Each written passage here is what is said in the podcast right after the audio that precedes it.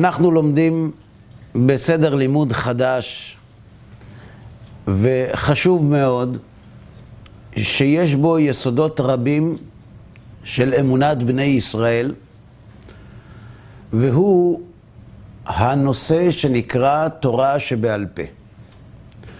לפני שאנחנו נדבר על מה אנחנו הולכים ללמוד, הייתי מבקש לעסוק בחשיבות של הנושא שבו אנחנו הולכים לעסוק. לא פעם, כשאני נפגש עם אנשים, אני בטוח שגם אתם נתקלתם בזה ללא ספק. אתה אומר למישהו איזו הלכה, איזו הנהגה, אז הוא שואל, איפה זה כתוב? תראה לי איפה זה כתוב. מכירים את זה? תגיד לי, איפה כתוב בתורה שאישה צריכה לכסות את הראש שלה? אני רוצה שתראה לי איפה זה כתוב. זה המצאה של רבנים. איפה כתוב שצריך ללכת עם כיפה? לא כתוב. בתורה כתוב, לא תבערו אש בכל מושבותיכם ביום השבת. תגיד לי, איפה כתוב בתורה שאסור לקרוע נייר טואלט בשבת? מה מסתתר מאחורי הדברים הללו? דבר ראשון, טיעון ראשון שמסתתר בדברים, זה שיש תוספות שאנשים, חכמים וחשובים ככל שיהיו, אבל אנשים, הוסיפו על התורה שבכתב. וכיוון שהם הוסיפו, וכיוון שהם אנשים, זה לא מחייב אותנו. אבל יש עוד נקודה שמסתתרת בדברים. כשאדם אומר, תראה לי איפה זה כתוב, אם אנחנו מפרקים את המשפט לחלקים, אז הוא בעצם אומר כך, אני מאמין שהקדוש ברוך הוא ברא את העולם, אני מאמין שהקדוש ברוך הוא הוציא את עם ישראל ממצרים, אני מאמין שהקדוש ברוך הוא נתן לנו את התורה שבכתב, ואני מאמין בהשגחה פרטית. אתם שואלים איך חילצתי את זה מהמילים? פשוט מאוד. כשאדם אומר, תראה לי איפה זה כתוב, מה זה אומר? שאם אראה לו איפה זה כתוב, זה יחייב אותו. ואני שואל, למה אם אראה לו שזה כתוב, זה מחייב אותו? אז מה אנשים רגילים לומר? מה זאת אומרת למה? אם, אם תראה לי איפה זה כתוב, והתורה מן השמיים, אז מה שהשם אמר צריך לעשות. ולמה את מה שהשם אמר צריך לעשות? שהרי אנחנו ראינו שיש לא הרבה, אבל יש אנשים שיודעים שהשם אמר, ולמרות זאת לא עושים. אתם מכירים את האנשים האלה? אנחנו. אז למה אדם אומר, ואני מאמין שהוא מתכוון למה שהוא אומר, אם תראה לי איפה זה כתוב, אני עושה. זה אומר שהוא לא רק מאמין שהקדוש ברוך הוא נתן את התורה, אלא הוא מאמין שהקדוש ברוך הוא נותן שכר ועונש. היה איזה יהודי אחד שלא היה אדם דתי, היה איש חינוך, חתן פרס ישראל, והוא אמר פעם על המוסר האנושי את המילים הבאות. הוא אמר כך: העיקרים שאני מאמין בהם הם עיקרים טובים. מדוע? משום שאני בחרתי בהם. זאת אומרת, למה הערכים שלי טובים? כי הם שלי. ואם מישהו אחר לא בחר בהם, הרי זו הוכחה שהם אינם טובים עבורו. שהרי אם הם היו טובים עבורו, היה בוחר גם הוא בהם. ואין טוב אחד ויחיד, אלא אם כן הוא משמיים. כלומר, הערכים שלי הם טובים כי הם שלי, והערכים שלך הם טובים כי הם שלך.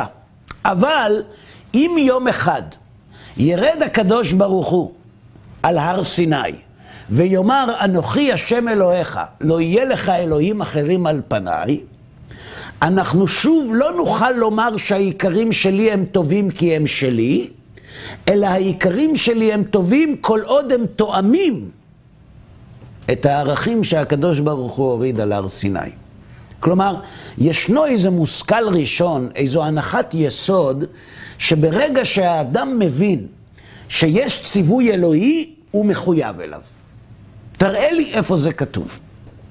והשאלה היא, למה האדם מחויב לציווי האלוהי? עליו השלום, בעל עקדת יצחק על התורה, כותב בספריו שבעולם שלנו יש שני סוגים של אנשים.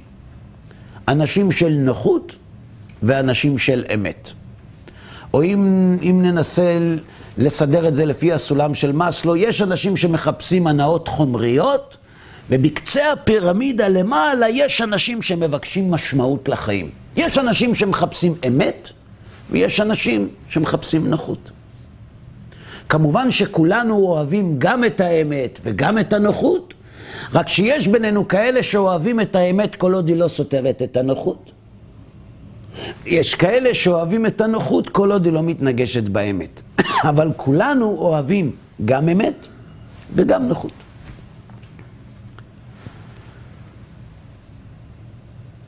האדם מחויב לציווי האלוהי או בגלל שהוא איש של נוחות, או בגלל שהוא איש של אמת.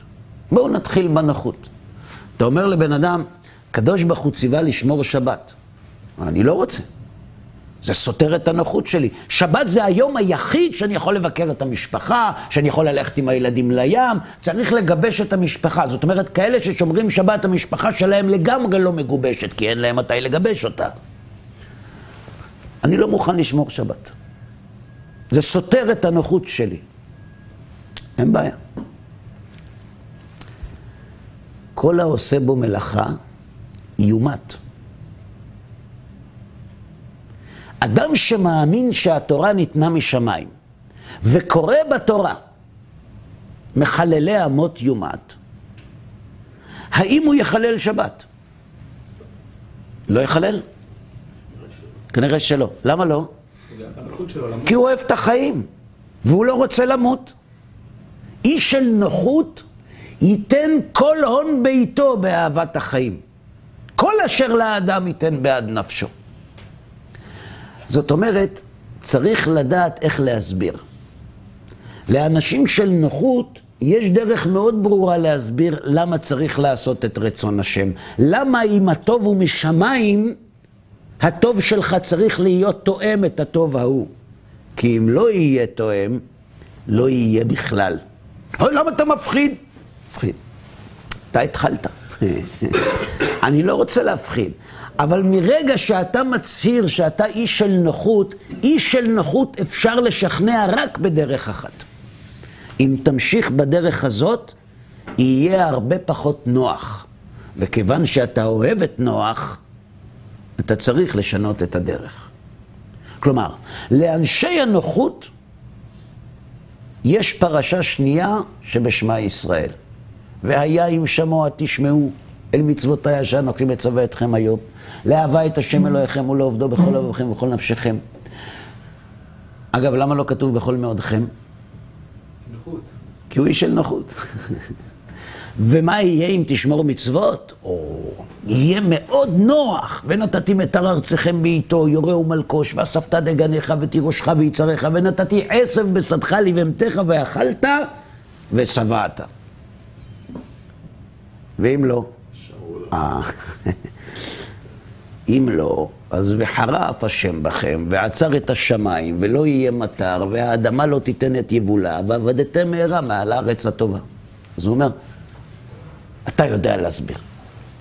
איש הנוחות מבין את הצורך שלו ללכת אחר הציווי האלוהי שניתן משמיים, אם זה כתוב בתורה, כי הוא מבין מה ההשלכות על עולם הנוחות שלו אם הוא לא יקיים את המצוות.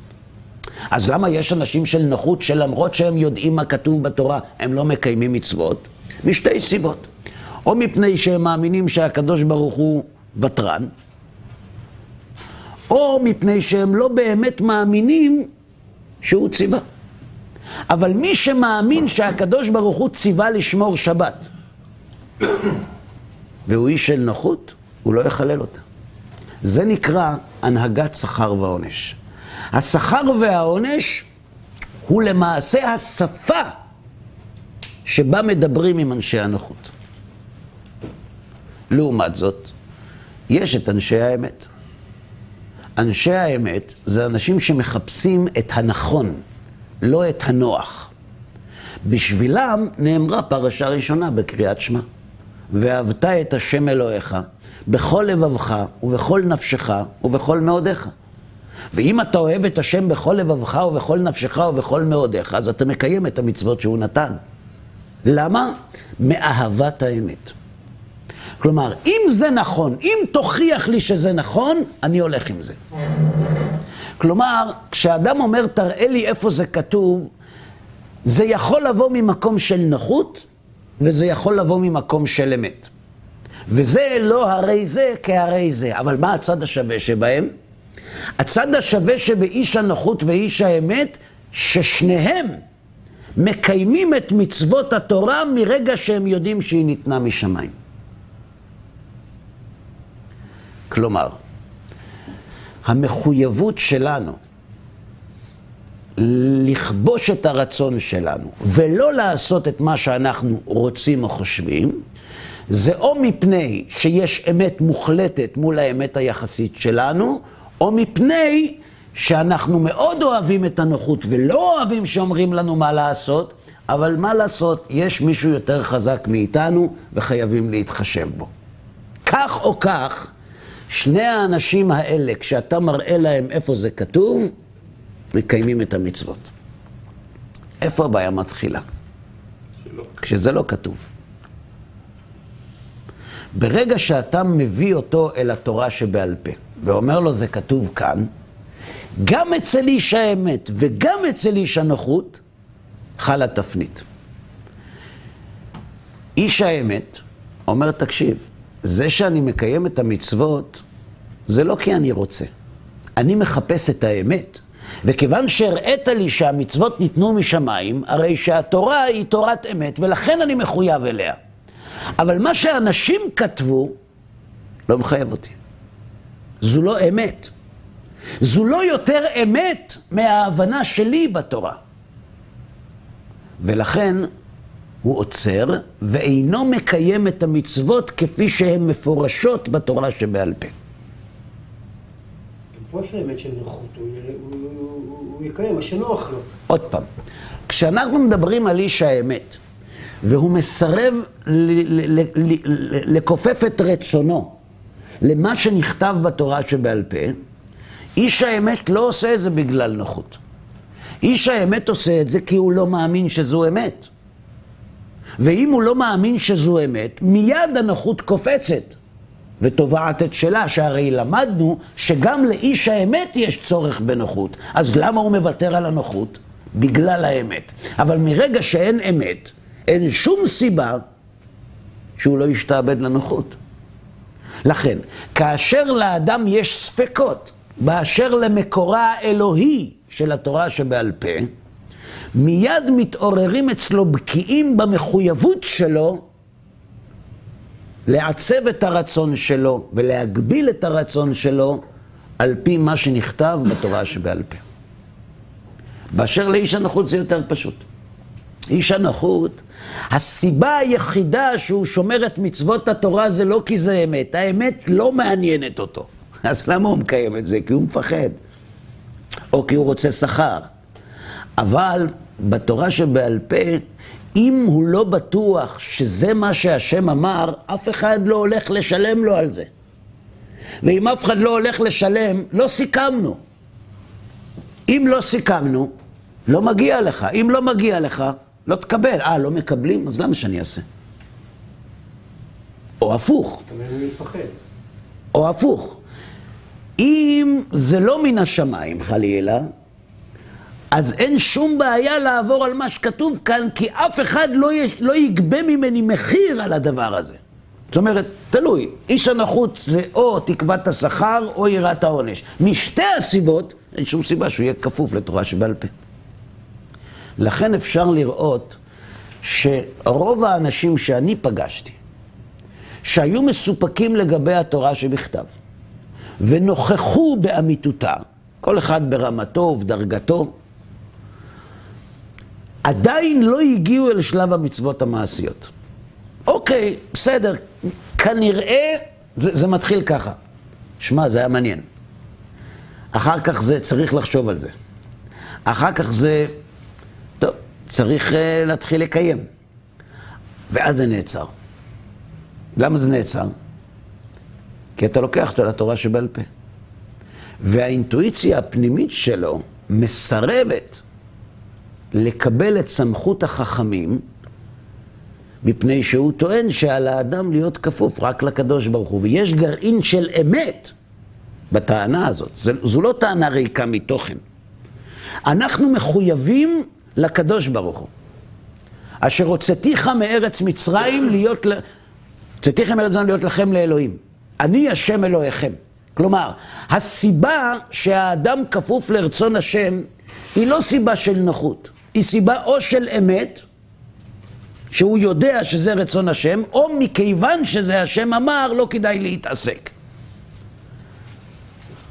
אז למה שאני אקשיב לאנשים? אתם מבינים את הבעיה? יופי. עשית את אשר יורוך, זה לא נחשב כאילו... אה?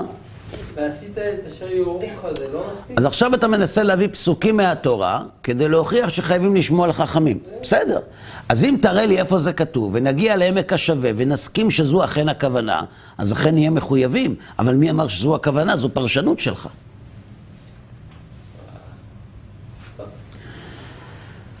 טוב, האמת שזה לא חדש. לנו יש מזל, מזל גדול. יש לנו מזל גדול שאנחנו מתעסקים עם תורה בת אלפי שנים. לפעמים אנשים שואלים אותי, מה, על כל שאלה יש תשובה? אז זה תלוי. תלוי על איזו תורה אתה מדבר. תלוי בת כמה היא. תסכים איתי שככל שהתורה יותר מבוגרת, הסיכוי שישאלו עליה יותר שאלות הוא יותר גדול. ולכן, אם התורה שלנו היא בת 3,330 שנה, והיא עדיין קיימת, זה אומר שני דברים. שסביר להניח שכל השאלות שהיה ניתן לשאול עליה, כבר שאלו. ועוד דבר לא פחות חשוב, שכיוון שהיא עדיין קיימת, אז התשובות גם הן ניתנו. ולכן התפקיד שלי הוא מאוד קל, אני לא צריך לדעת שום דבר, אני מתווך, שדכן. אני מחבר את השאלה שכבר נשאלה עם התשובה שכבר ניתנה. אצלך זה חדש, אבל ביהדות זה ממש לא. גם הסוגיה של התורה שבעל פה היא לא סוגיה חדשה. הטענה של החכמים אין סמכות, שהם נטלו לעצמם את הכוח לפרש את התורה, את הטיעונים שהחכמים לקחו לעצמם כוח כדי לשלוט, כל, כל הטיעונים האלה כבר ניתנו. עכשיו אפשר לבוא ולומר, שמע, האנשים שהלכו אחריהם היו אנשים תמימים, אבל כל מי שנכנס לבית המדרש יכול למצוא בבית המדרש הכל חוץ מתמימות. אפשר להגיד על לומדי התורה כל מה שרוצים, יש להם אור עבה, הם סובלים הכל. אפשר להגיד שהם פרזיטים, אפשר להגיד שהם אוכלי חינם, אפשר להגיד שהם לא נושאים בנטל, אפשר, אפשר להגיד הכל. יכול להיות שזה גם נכון, אני לא יודע. אפשר להגיד עליהם מה שרוצים. דבר אחד אי אפשר להגיד עליהם. הם לא תמימים. אז אם הם לא תמימים, בוא תחשוב רגע. עזוב כרגע את כל הדעות הכתומות בצד. בוא נחשוב ביחד. את השאלות שאתה שואל, אתה שואל בצדק. הסכמנו שמדובר בשאלות שיש להן בסיס, הן לא שאלות של כפירה, הן שאלות שצריך להשיב עליהן. אתה מסכים איתי גם שללומדי התורה יש יצר הרע כמו שלך. אני אגלה לך סוד, חז"ל אומרים יותר גדול, אבל לא משנה, כמו שלך. זאת אומרת שאם במוחך עלו השאלות האלה, סביר להניח שהם גם עולים במוחו של כל אדם שלומד תורה. אתה באמת חושב שהם ממשיכים לעסוק בתורה רק בגלל שהם תמימים? יכול להיות שיש בידם איזה מידע שאתה לא מכיר. יכול להיות, אני לא אומר, אבל אולי. זה לא חדש. למזלנו הרב, הסיפור הזה עם המתנגדים לתורה שבעל פה הוא עתיק יומין. ולמה למזלנו? היה עדיף שלא יהיה. נכון. אבל אם זה קורה בתקופתנו, אז עדיף לנו שכבר היה דבר לעולמים. כי אז כל מה שצריך לעשות זה לשדך. לראות מה השיבו החכמים בעבר על הדברים, ואותם לומר היום, כי אם זה היה נכון פעם, מה נשתנה? יש היום כל מיני אתרים באינטרנט שמציגים כל מיני שאלות של כפירה ומחפשים כל מיני דברים לא נכונים בדברי חז"ל. אולי פעם נעסוק בזה. אנשים תמימים לא יודעים שהם לא המציאו את השאלות. הם פשוט חיפשו בעבר. הם חיפשו בתקופות שונות בדברי עם ישראל, שנשאלו בהם השאלות הללו, והם מציגים אותם, ובשביל גילוי נאות, הם לא נותנים גם את התשובות שניתנו, אלא רק את השאלות בלבד. זה מתוך אובייקטיביות כמובן. אנחנו נעשה את שני הדברים. אנחנו נציג גם את השאלות, אבל גם את התשובות. והמאזין או הצופה, אנחנו סומכים על האינטליגנציה שלו שהוא ידע להבחין. למעשה, הסיפור עם התורה שבעל פה מתחיל בתחילת ימי בית שני, בתקופת אנטיגונוס איש סוחו. נכון? היו לו שני תלמידים שנקראים צדוק ובייטוס.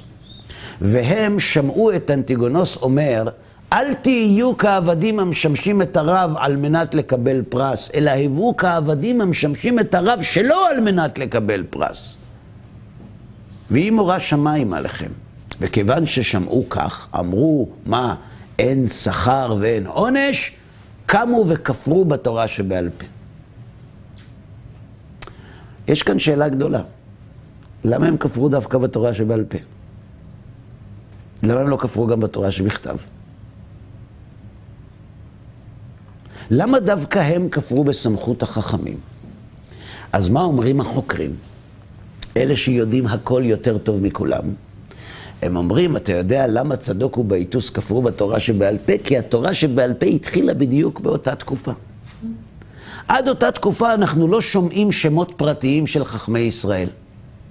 משה קיבל תורה מסיני ומסרה ליהושע ויהושע לזקנים וזקנים לנביאים ונביאים מסרו על אנשי כנסת הגדולה. הכל קבוצות, אין שמות פרטיים. מתי אנחנו מתחילים לשמוע שמות פרטיים? שמעון הצדיק היה משיירי כנסת הגדולה. הוא היה אומר. אנטיגונוס איש סוחו היה אומר. יוסי בן יועזר ויוסי בן יוחנן איש ירושלים. יהושע בן פרחיה וניתאי הארבלי. פתאום אנחנו מתחילים לשמוע שמות. מדוע? כי עד אותה תקופה, כך טוענים מכחישי התורה שבעל פה, לא הייתה תורה שבעל פה.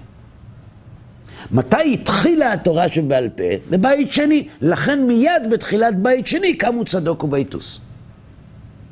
רק שיש בעיה קטנה, זה לא מסתדר עם העובדות. ברור לנו לחלוטין שהייתה תורה שבעל פה עוד לפני בית שני. מסיבה פשוטה, כי אם קיימו מצוות בבית ראשון, היו צריכים לדעת איך לקיים אותם. ואם היו צריכים לדעת איך לקיים אותם, הרי ברור שעסקו בבירור ההלכה. אז למה באמת, דווקא בימי בית שני אנחנו מגלים פתאום, בחזית, את חכמי התורה שבעל פה? התשובה היא פשוטה. בעם ישראל היו שני קודקודים. כשזה היה משה וכשזה היה יהושע, זה היו שני הקודקודים בקודקוד אחד. גם המנהיג וגם המורה. משה קיבל תורה מסיני ומסרה ליהושע, אבל יהושע מסר לזקנים. כלומר, בעם ישראל יש שני קודקודים. יש את המנהיג הרוחני, ויש את החכם הרוחני. יש כהן ויש נביא. הנביא תפקידו לייסר את העם ולהורות להם את הדרך הישרה בעבודת השם. והכהן, תפקידו כתוב בתורה, יורו משפטיך ליעקב ותורתך לישראל. כלומר, החכם והנביא, שניהם משלימים זה את זה בעבודת השם. הנביא אומר לאדם מה השם דורש מעמו, בהנהגתו, בהתנהלותו, בעבודת השם שלו, בעבודת המידות שלו, אבל נביא אינו רשאי לחדש דבר מעתה. כתוב שכשמשה רבינו נפטר, מהצער שנצטערו ישראל, אומרים חז"ל, שלושת אלפים הלכות נשתכחו בימי אבלו של משה. שלושת אלפים הלכות. שכחו. ומשה נפטר. נו, אז מה עושים? הולכים ליהושע ואומרים לו, תקשיב, משה רבנו, כשהיו לו שאלות, הוא היה הולך לשאול את השם, נכון? ותיגשנה בנות צלופחד, עמדו ואשמע מה יצווה השם. אני לא יודע, אני אשאל את השם. ואז משה שואל את הקדוש ברוך הוא, והקדוש ברוך הוא אומר לו, כן בנות צלופחד דוברות, ונותן לו תשובה. או עם המקושש, אני לא יודע מה לעשות, נשאל את השם. תעשה טובה, תשאל אותו, אנחנו שכחנו, יש לנו פה רשימה של הלכות, אנחנו לא זוכרים אותן, תברר. אומר להם יהושע, אני לא יכול. לא יכול. אז אתה לא כמו משה. זה תמיד היה ככה. אומר להם יהושע, שאין נביא רשאי לחדש דבר מעתה. התורה לא נמסרה לנביאים, היא נמסרה לחכמים. נביא לא יכול לשנות קוץ אחד בספר התורה. אלא הוראת שעה, לא משנה, אבל הוא לא יכול לא להוסיף ולא לגרוע. אז מה עושים? אמר להם, תראו, יש אחד חכם יושב בבית המדרש, קוראים לו עתניאל בן כנז. לכו אצלו. וחזירן עתניאל בן כנז בפלפולו. כלומר, אנחנו רואים שיש בעם ישראל שני מנהיגים, הנביא והחכם. תגידו לי אתם, מי תופס מקום יותר מרכזי בחייו של היהודי? החכם או הנביא? החכם אתה אומר. הוא צריך הלכות, זה מה שהוא עושה בו כל הזמן. הנביא זה אם יש דברים גדולים, פעם ב... ככה נראה לי. אתה אומר החכם. אה, תראה, את המנגינה של השאלה אני יכול לשנות, אל תיתפס למנגינה. כן, זה תלוי. כן. חכם עדיף מנביא. אז אתה מצטרף לחכם. לא, לחכם בג- בגמרא, יודע איפה כתוב, זה לא הוא אמר. אוקיי. גם אני לא מאיפה אני אמר. אז חנן צודק, זה תלוי. השאלה במה זה תלוי. אם האדם עסוק בפרקטיקה, במעשיות של המצוות, הוא זקוק לחכם יותר מלנביא. אבל אם הוא עסוק בעבודת השם, הוא זקוק לנביא יותר מן החכם. ברור? עכשיו, בבית ראשון, מי עמד בחזית? החכם או הנביא? מי עמד בחזית? אה? למה הנביא?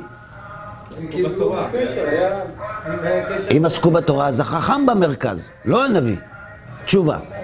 זה תלוי במצב הרוחני של האומה.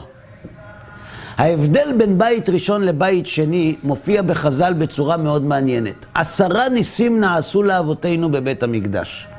זאת אומרת, כשחז"ל רוצים לתאר את ההבדל בין בית ראשון לבית שני, הם מדברים על עשרה ניסים שנעשו בבית ראשון. אם הם מדברים על עשרה ניסים שנעשו בבית ראשון, מה זה אומר?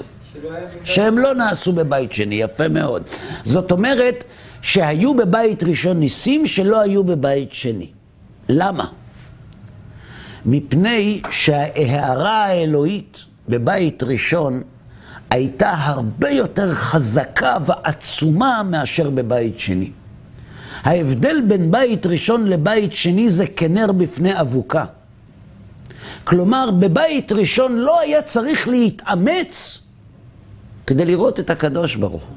כדי להרגיש את הנוכחות של הקדוש ברוך הוא בעולם. לכן גם הייתה בבית ראשון עבודה זרה. כי עבודה זרה זו תופעה אחורית, זרה, מקולקלת, של פעולה בעקבות הרגשת הנוכחות האלוהית. זה היה בבית ראשון. לכן הייתה נבואה בבית ראשון, ולא הייתה נבואה בבית שני. הביטוי של נוכחות אלוהית גדולה בחיים היא תופעת הנבואה. זה בגלל שפחות עסקו בתורה. המצב הרוחני היה פחות טוב, אני מבין. אני, אז זה עוד לא הגענו. אנחנו קודם כל מדברים מה היה. אנחנו אומרים בבית ראשון הייתה נבואה, וכנגד זה הייתה עבודה זרה.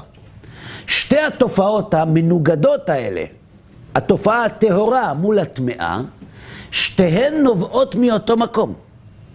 מנוכחות אלוהית עצומה בבית ראשון.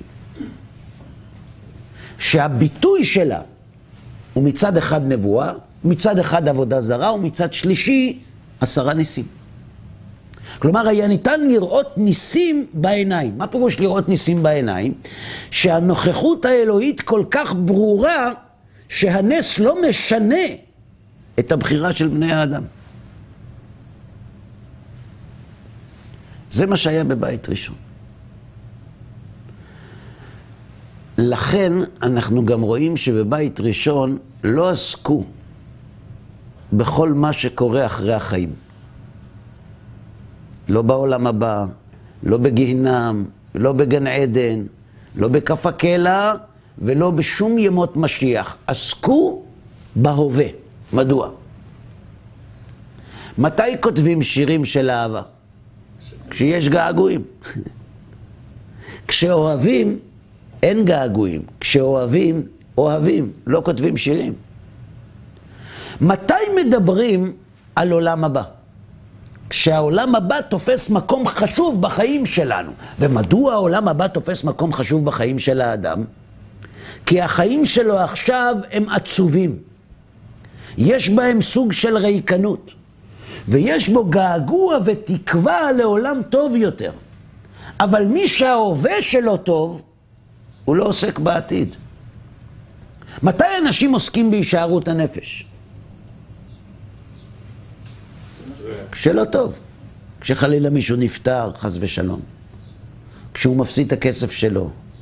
מתחילים לדבר על עולם הבא. למה? אומר, תראה, פה כבר טוב לא הולך להיות, אז לפחות שיהיה עולם הבא.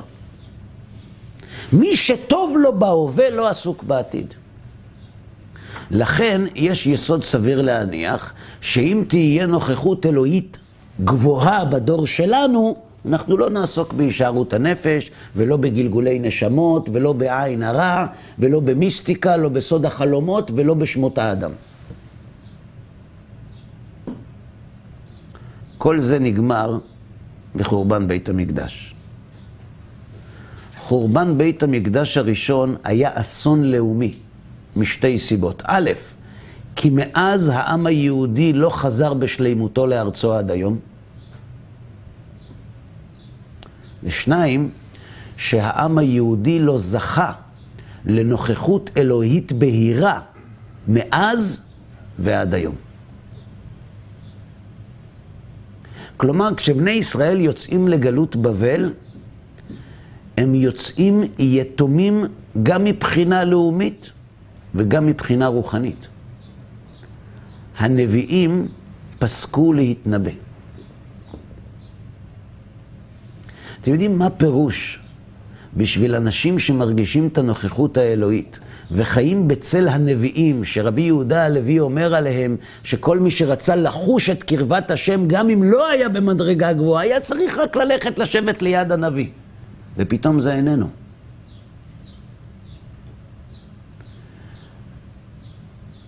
זה אסון.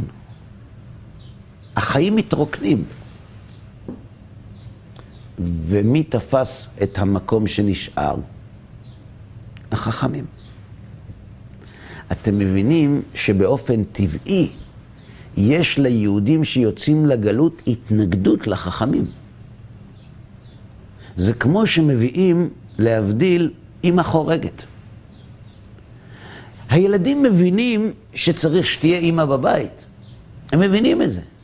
הם מבינים שאבא צריך אישה, הם מבינים שהחיים צריכים להמשיך, הם מבינים את כל הדברים האלה, אבל יש להם התנגדות פנימית. למה? כי האישה הזאת, שתהיה טובה ככל שתהיה, היא מזכירה להם שאין להם אימא.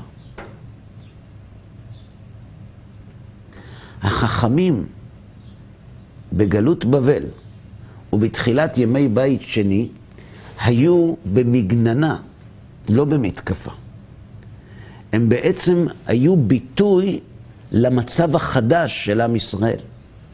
לכן, הנכונות של עם ישראל לקבל את סמכות החכמים, לא בדור של נביא, אלא בדור שהם נמצאים בחזית, נתפסת בחז"ל כמעשה גדול.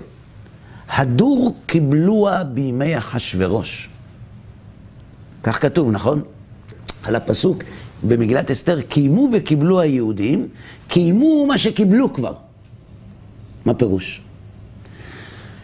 אז אחד הפירושים זה שבבית ראשון, סליחה, בממד הר סיני כפה עליהם הר כגיגית.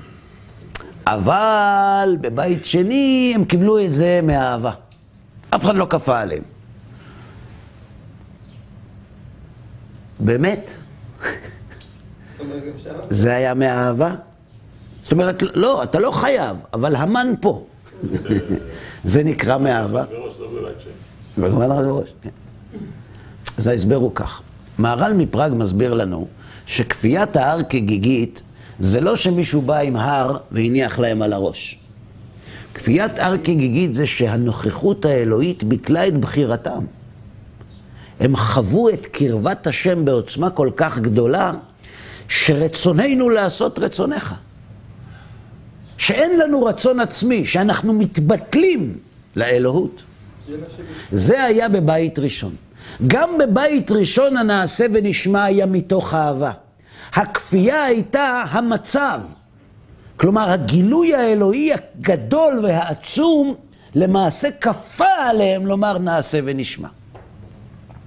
לעומת זאת, כאשר הנוכחות האלוהית מסתלקת, ואף אחד לא כופה עליך לומר נעשה ונשמע, כי אין לך צורך, אתה לא מתבטל, אתה לא, אתה, אתה לא נכלל, אתה לא דבוק בקדוש ברוך הוא, אתה בגלות. ולמרות זאת אתה מקבל על עצמך לקיים את המצוות גם כשהנוכחות האלוהית לא מתגלה בעולם, זה נקרא קבלה מהאהבה. כלומר, כשבני ישראל מוכנים לקבל את סמכות מרדכי ובית דינו, כלומר אנשי כנסת הגדולה, וללכת אחריהם ולעשות ככל אשר יורו להם, הנכונות לקבל את החכמים בחזית של ההנהגה הרוחנית של עם ישראל, גם כשאין נביא, זה חידוש של בית שני. אבל תורה שבעל פה, תורה שבעל פה תמיד הייתה. היו שני אנשים שזה הפריע להם, צדוק ובייטוס. צדוק ובייטוס היו כהנים. הכהנים היו בעלי כוח גדול מאוד בעם ישראל. אנחנו יודעים שכאשר אדוניה בן חגית ניסה למלוך על ישראל כשאביו דוד היה זקן ובא בימים, אז כאשר נתן בא אצלו, יחד עם בת שבע, אז הם מספרים לו שהכהן הלך עם אדוניה. למה זה כל כך חשוב שהכהן הלך עם אדוניה? כי לכהן היה כוח. וכשחכמים עוברים לחזית, מול הנביאים צדוק ובייטוס לא היו יכולים. היה האדם עומד ליד הנביא ומרגיש את קרבת השם. אז יכולים כהנים ליטול את הסמכות של הנביאים? אין להם כוח. אף אחד לא יקשיב להם. אבל כאשר החכמים עומדים בחזית, אז זו הזדמנות ושעת כושר לכהנים שרוצים ליטול לעצמם שררה. צדוק ובייטוס כפרו בסמכות החכמים. והם למעשה הקימו את כת הצדוקים ואת הבייטוסים. עם הצדוקים והבייתוסים חכמי ישראל התמודדו לאורך כל בית שני. היו תקופות שהם היו מקורבים לשלטון, ובגלל הקרבה שלהם לשלטון, השלטון רדף את חכמי ישראל, כמו בתקופת ינאי המלך. וברחו חכמי ישראל מארץ ישראל. היו תקופות שונות, אבל אנחנו מגלים שחז"ל פעלו בשני מישורים כדי להתמודד עם הצדוקים. אחד, כלפי פנים, ואחד כלפי חוץ. למשל, רבי יוחנן בן זכאי ורבי יהושע בן חנניה היו מתווכחים איתם. רבי יהושע בן חנניה הולך לבי אבידן, הם היו הולכים להתווכח עם הצדוקים על הדברים שהם אומרים. זה היה בימי בית שני. אבל כדרכה של אמת, שהיא מנצחת את השקר, והצדוקיות נעלמה, ועל הביתוסיות כמעט לא שמעו גם אז. כמעט ואין מהם זכר. אלא שלמרות שהצדוקים נעלמו, ולמרות שהתורה שבעל פה המשיכה להתפתח, ולמרות שנחתם התלמוד, הגיעה תקופה חדשה בעם ישראל. נקראת תקופת הגאונים. תקופת הגאונים הייתה תקופה מרתקת בהיסטוריה של העם היהודי. הגאונים, צריך לומר, היו בבבל. בתקופה של הגאונים, האסלאם התפתח בצורה בלתי נתפסת. כמעט מסין עד האוקיינוס האטלנטי. במשך מאה שנה, 90 אחוז מהעם היהודי היו נתונים, כ-90 אחוז היו נתונים תחת שלטון מוסלמי.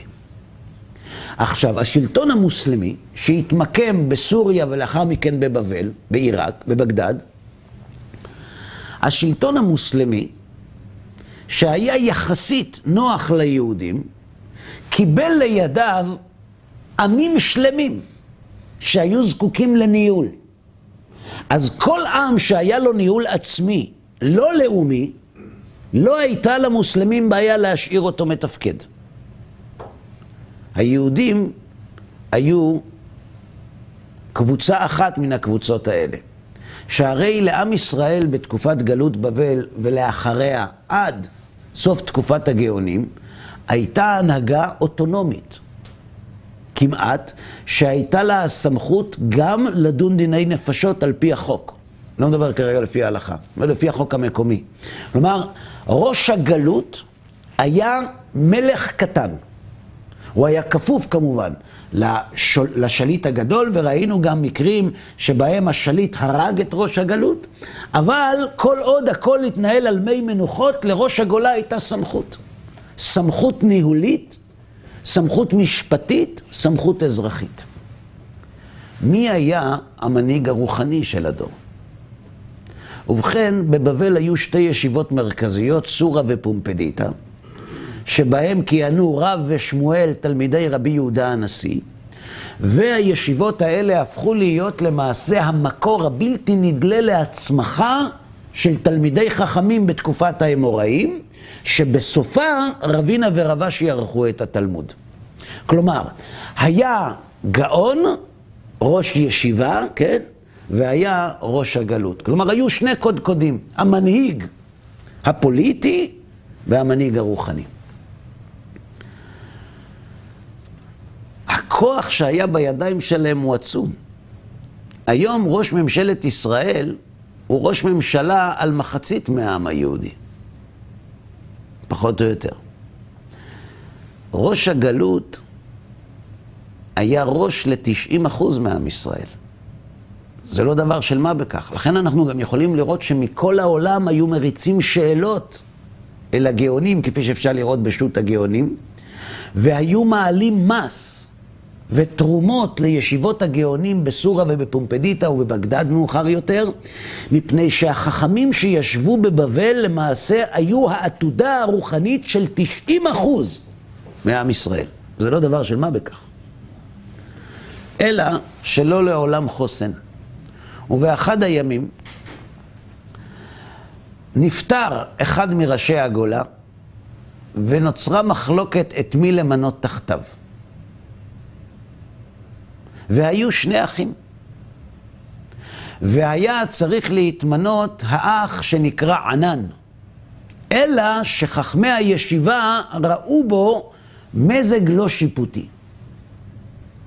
ולא רצו לתת בידיו את הסמכות העצומה הזאת של הנהגת האומה מבחינה פוליטית, והפקידו אותה בידי אחיו. מי זה? ענן, שלו. ענן בן דוד, כמדומני שמעון. ענן בן דוד, והוא סירב לקבל את הסמכות של ראש הגולה ושל ראש הישיבה, ולכן החליף שם אותו בבית הסוהר. כי מי שלא מקבל את הסמכות של ההנהגה, גם אם היא הנהגה אוטונומית, הוא למעשה כופר במי? בשליט העליון. והוא השתחרר מהכלא בטענה מאוד מעניינת. אני, הוא אומר, לא כפוף לחכמים האלה. החכמים האלה, יש להם את התורה שבעל פה שלה הם כפופים. לנו יש תורה אחרת, ולכן התורה שלהם לא מחייבת אותנו. ובדרך הזאת הוא השתחרר, ובסופו של דבר עלה לארץ ישראל וייסד את הכת הקראית. עכשיו, יש ויכוח מבחינה היסטורית, האם הסיפור שאני מספר הוא הנכון, או מה שהקראים מספרים. כמובן שלקראים מאוד נוח לומר שהם צאצאי הצדוקים, כי ככה הם הופכים את השיטה שלהם לעתיקה יותר, ואולי גם יותר משכנעת, אבל כל אחד יחליט בעצמו מה נראה לו נכון יותר. בסדר? תקופת הקראים הייתה תקופה קשה מאוד, זאת אומרת, התהוות הקראות. תקופת הגאונים, לקראת סוף תקופת הגאונים, הייתה תקופה מאוד קשה. אי אפשר לדבר במספרים מוחלטים, אבל יש כאלה שאומרים שעד 25% מהעם היהודי היו קראים. עכשיו, הקראים אלו אנשים שכפרו בסמכות חז"ל. אחד המשפטים היותר מפורסמים של ענן היה, חפיסו באורייתא שפיר. דהיינו, אל, אל, אל תאמינו למה שהם אומרים. זה תורה חדשה, הם המציאו אותה. כל הפלפולים האלה, וכתוב ככה, ודרשות חז"ל, ו, ואל יצא איש ממקומו ביום השבת, מזה אפשר ללמוד הוצאה והכנסה בשבת. חפיסו באורייתא שפיר, תפעילו את השכל, תקראו את התורה עם השכל. אגב, גם אם זה יפה, מה עושה מי שאין לו? שכל. שכל, כן. אז הוא קונה.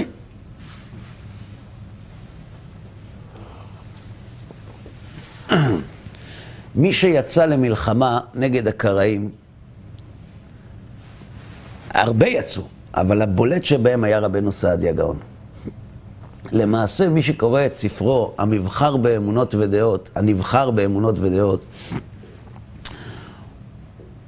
הוא בעצם, אם הוא מכיר את ההיסטוריה, הוא רואה שרבנו סעדיה גאון עוסק בהרבה תחומים בספר כדי להוציא מלב ההמון את דעת הקראים.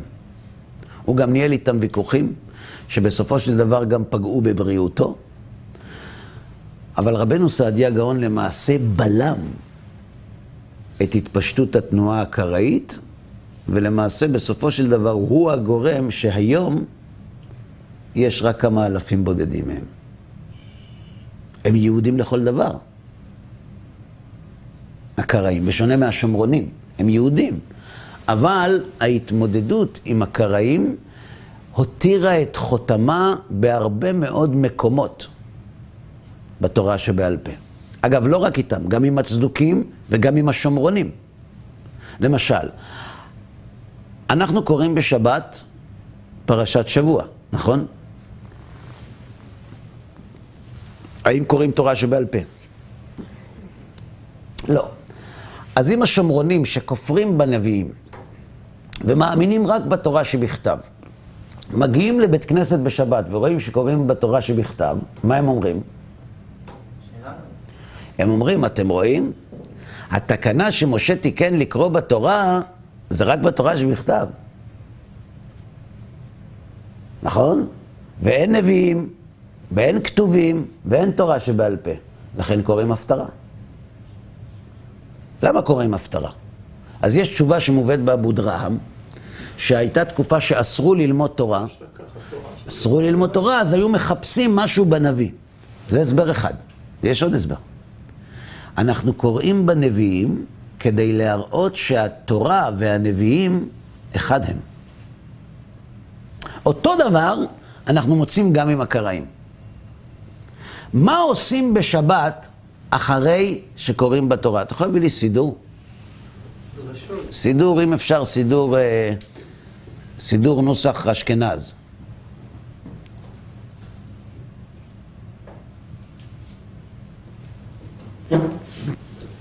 רוצה להקריא לכם משהו מאוד מוזר, שאומרים אותו גם אצל האשכנזים וגם אצל החסידים בשבת אחרי קריאת התורה. אצלנו, אצל הספרדים, אומרים מי שברך לקהל, נכון?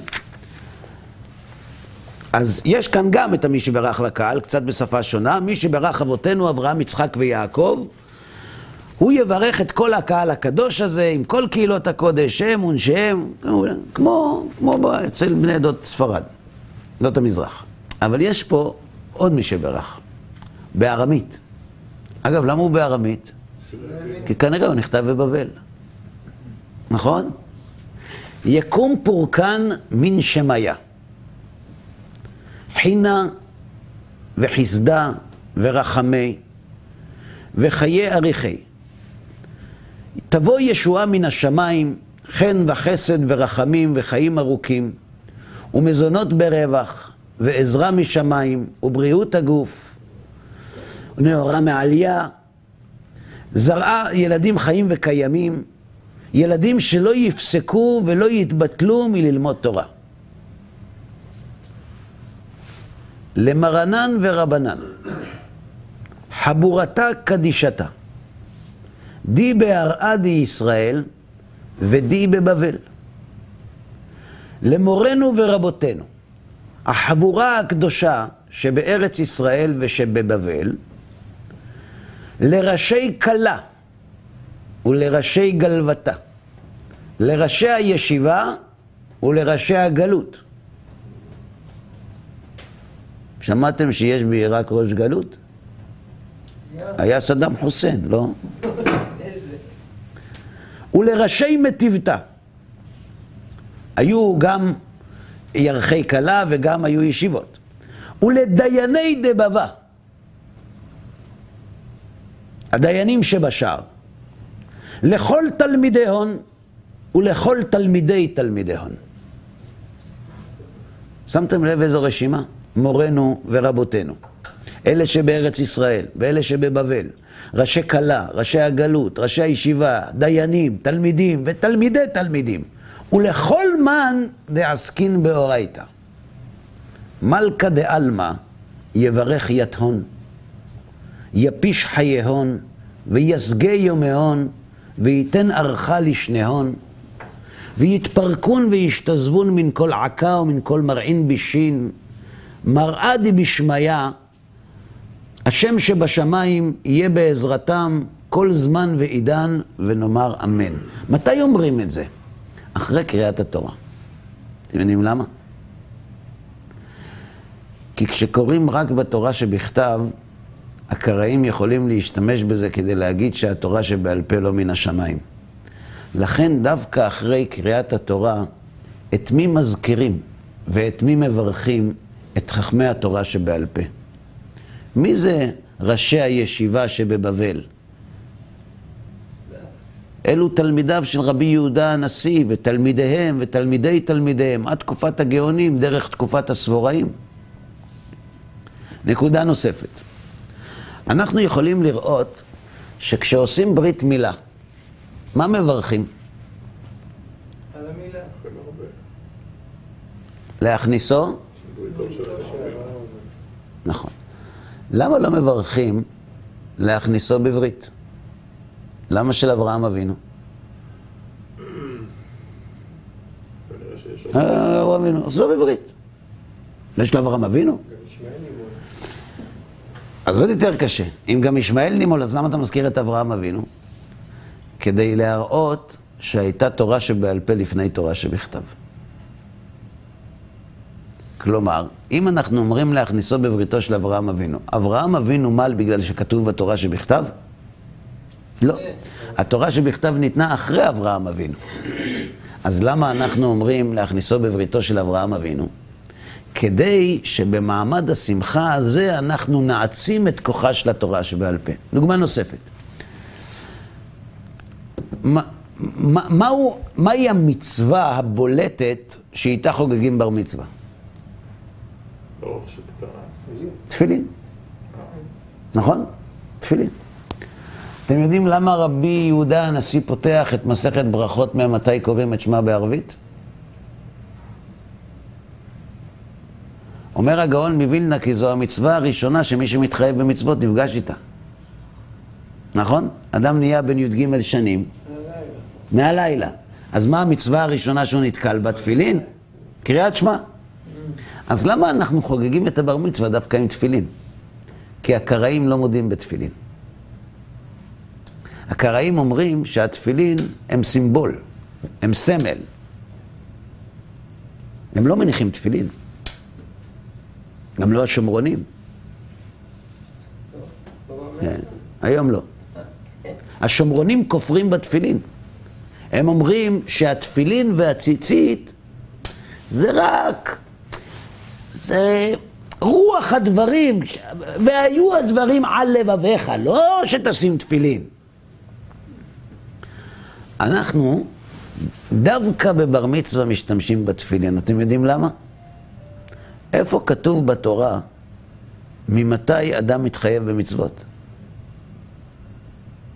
לא כתוב. אה? לא כתוב. לא כתוב. מעניין. מעניין. למה הוא לא חייב במצוות מגיל אפס? מי קבע שבגיל י"ג הוא חייב במצוות? את היום שבו הילד מתחייב במצוות, אנחנו מעצימים דווקא עם המצווה שהכופרים בתורה שבעל פה לא מודים בה. אותו דבר, חג השבועות. מה קוראים בחג השבועות אצל האשכנזים? מגילת רות. למה קוראים את מגילת רות? כי במגילת רות מסופר על רות שהצאצא שלה היה דוד המלך. אז למה קוראים על דוד המלך בחג השבועות? אז יש אומרים ככה, או בגלל שבני ישראל היו גרים בהר סיני, כמו רות. אז את, ה, את המגילה על הגיורת קוראים ביום שבו אנחנו נתגיירנו להיות יהודים. אה, הסבר שני, כי דוד המלך נפטר בחג השבועות. אז אנחנו קוראים על דוד המלך בחג השבועות. אבל יש עוד הסבר. לפי הקראים, ענן בן דוד לא יכול להיות יהודי, כי הוא מזרע דוד המלך. ומי קבע שדוד יבוא בקהל? התורה. בתורה כתוב לא יבוא עמוני ומואבי בקהל השם. מי קבע עמוני ולא עמונית? מי קבע מואבי ולא מואבית? התורה שבכתב או התורה שבעל פה? לכן אנחנו קוראים את זה דווקא בחג השבועות. כי בחג השבועות קיבלנו את התורה שבכתב, ואנחנו מראים שהתורה שבעל פה היא חלק בלתי נפרד מהתורה שבכתב, להוציא מליבם של קראים. אגב, גם אלה מבין הנוצרים שמייחסים את ישו, פרלף ומאיו לבית דוד, בצורות מאוד משונות שקשה מאוד לעקוב אחריהם, עם הרבה טעויות בדרך, גם היום יש חלק מהנוצרים שמנסים להתנגח בתורה שבעל פה. הבעיה היא שהם לא מבינים שהם מתנגחים בתורה שבעל פה, הם הורגים את הנצרות. כי אם אין תורה שבעל פה, דוד לא יהודי. ואם דוד לא יהודי, אז מאיפה ישו בא? אתם מבינים את הבעיה? לכן אפשר לראות שלאורך כל ההיסטוריה, בעיקר בתקופת הגאונים, שאז פרצה התנועה הקראית לאוויר העולם, דווקא אז אנחנו רואים שיש מנהגים שונים ותפילות שונות. יהי רצון מלפניך, השם אלוקינו ולוקח אותנו לקיים בנו חכמי ישראל, הם, נכון? למה אומרים את זה? אומרים את זה כדי לחזק בפני ההמון את מעלתם של לומדי התורה העוסקים בתורה שבעל פה. מי ניצח? עכשיו תראו, אלה שניצחו, לא היה להם הכוח. וגם לא היה להם הכסף. הם גם לא היו היותר נוחים, כי הקראים הרבה יותר נוחים מאלה שמחזיקים בתורה שבעל פה. הרבה יותר קל. לא הכסף ולא הכוח ולא הנוחות היו בצד של אלה שלחמו בקראים. היה להם ביד רק דבר אחד, הייתה להם האמת.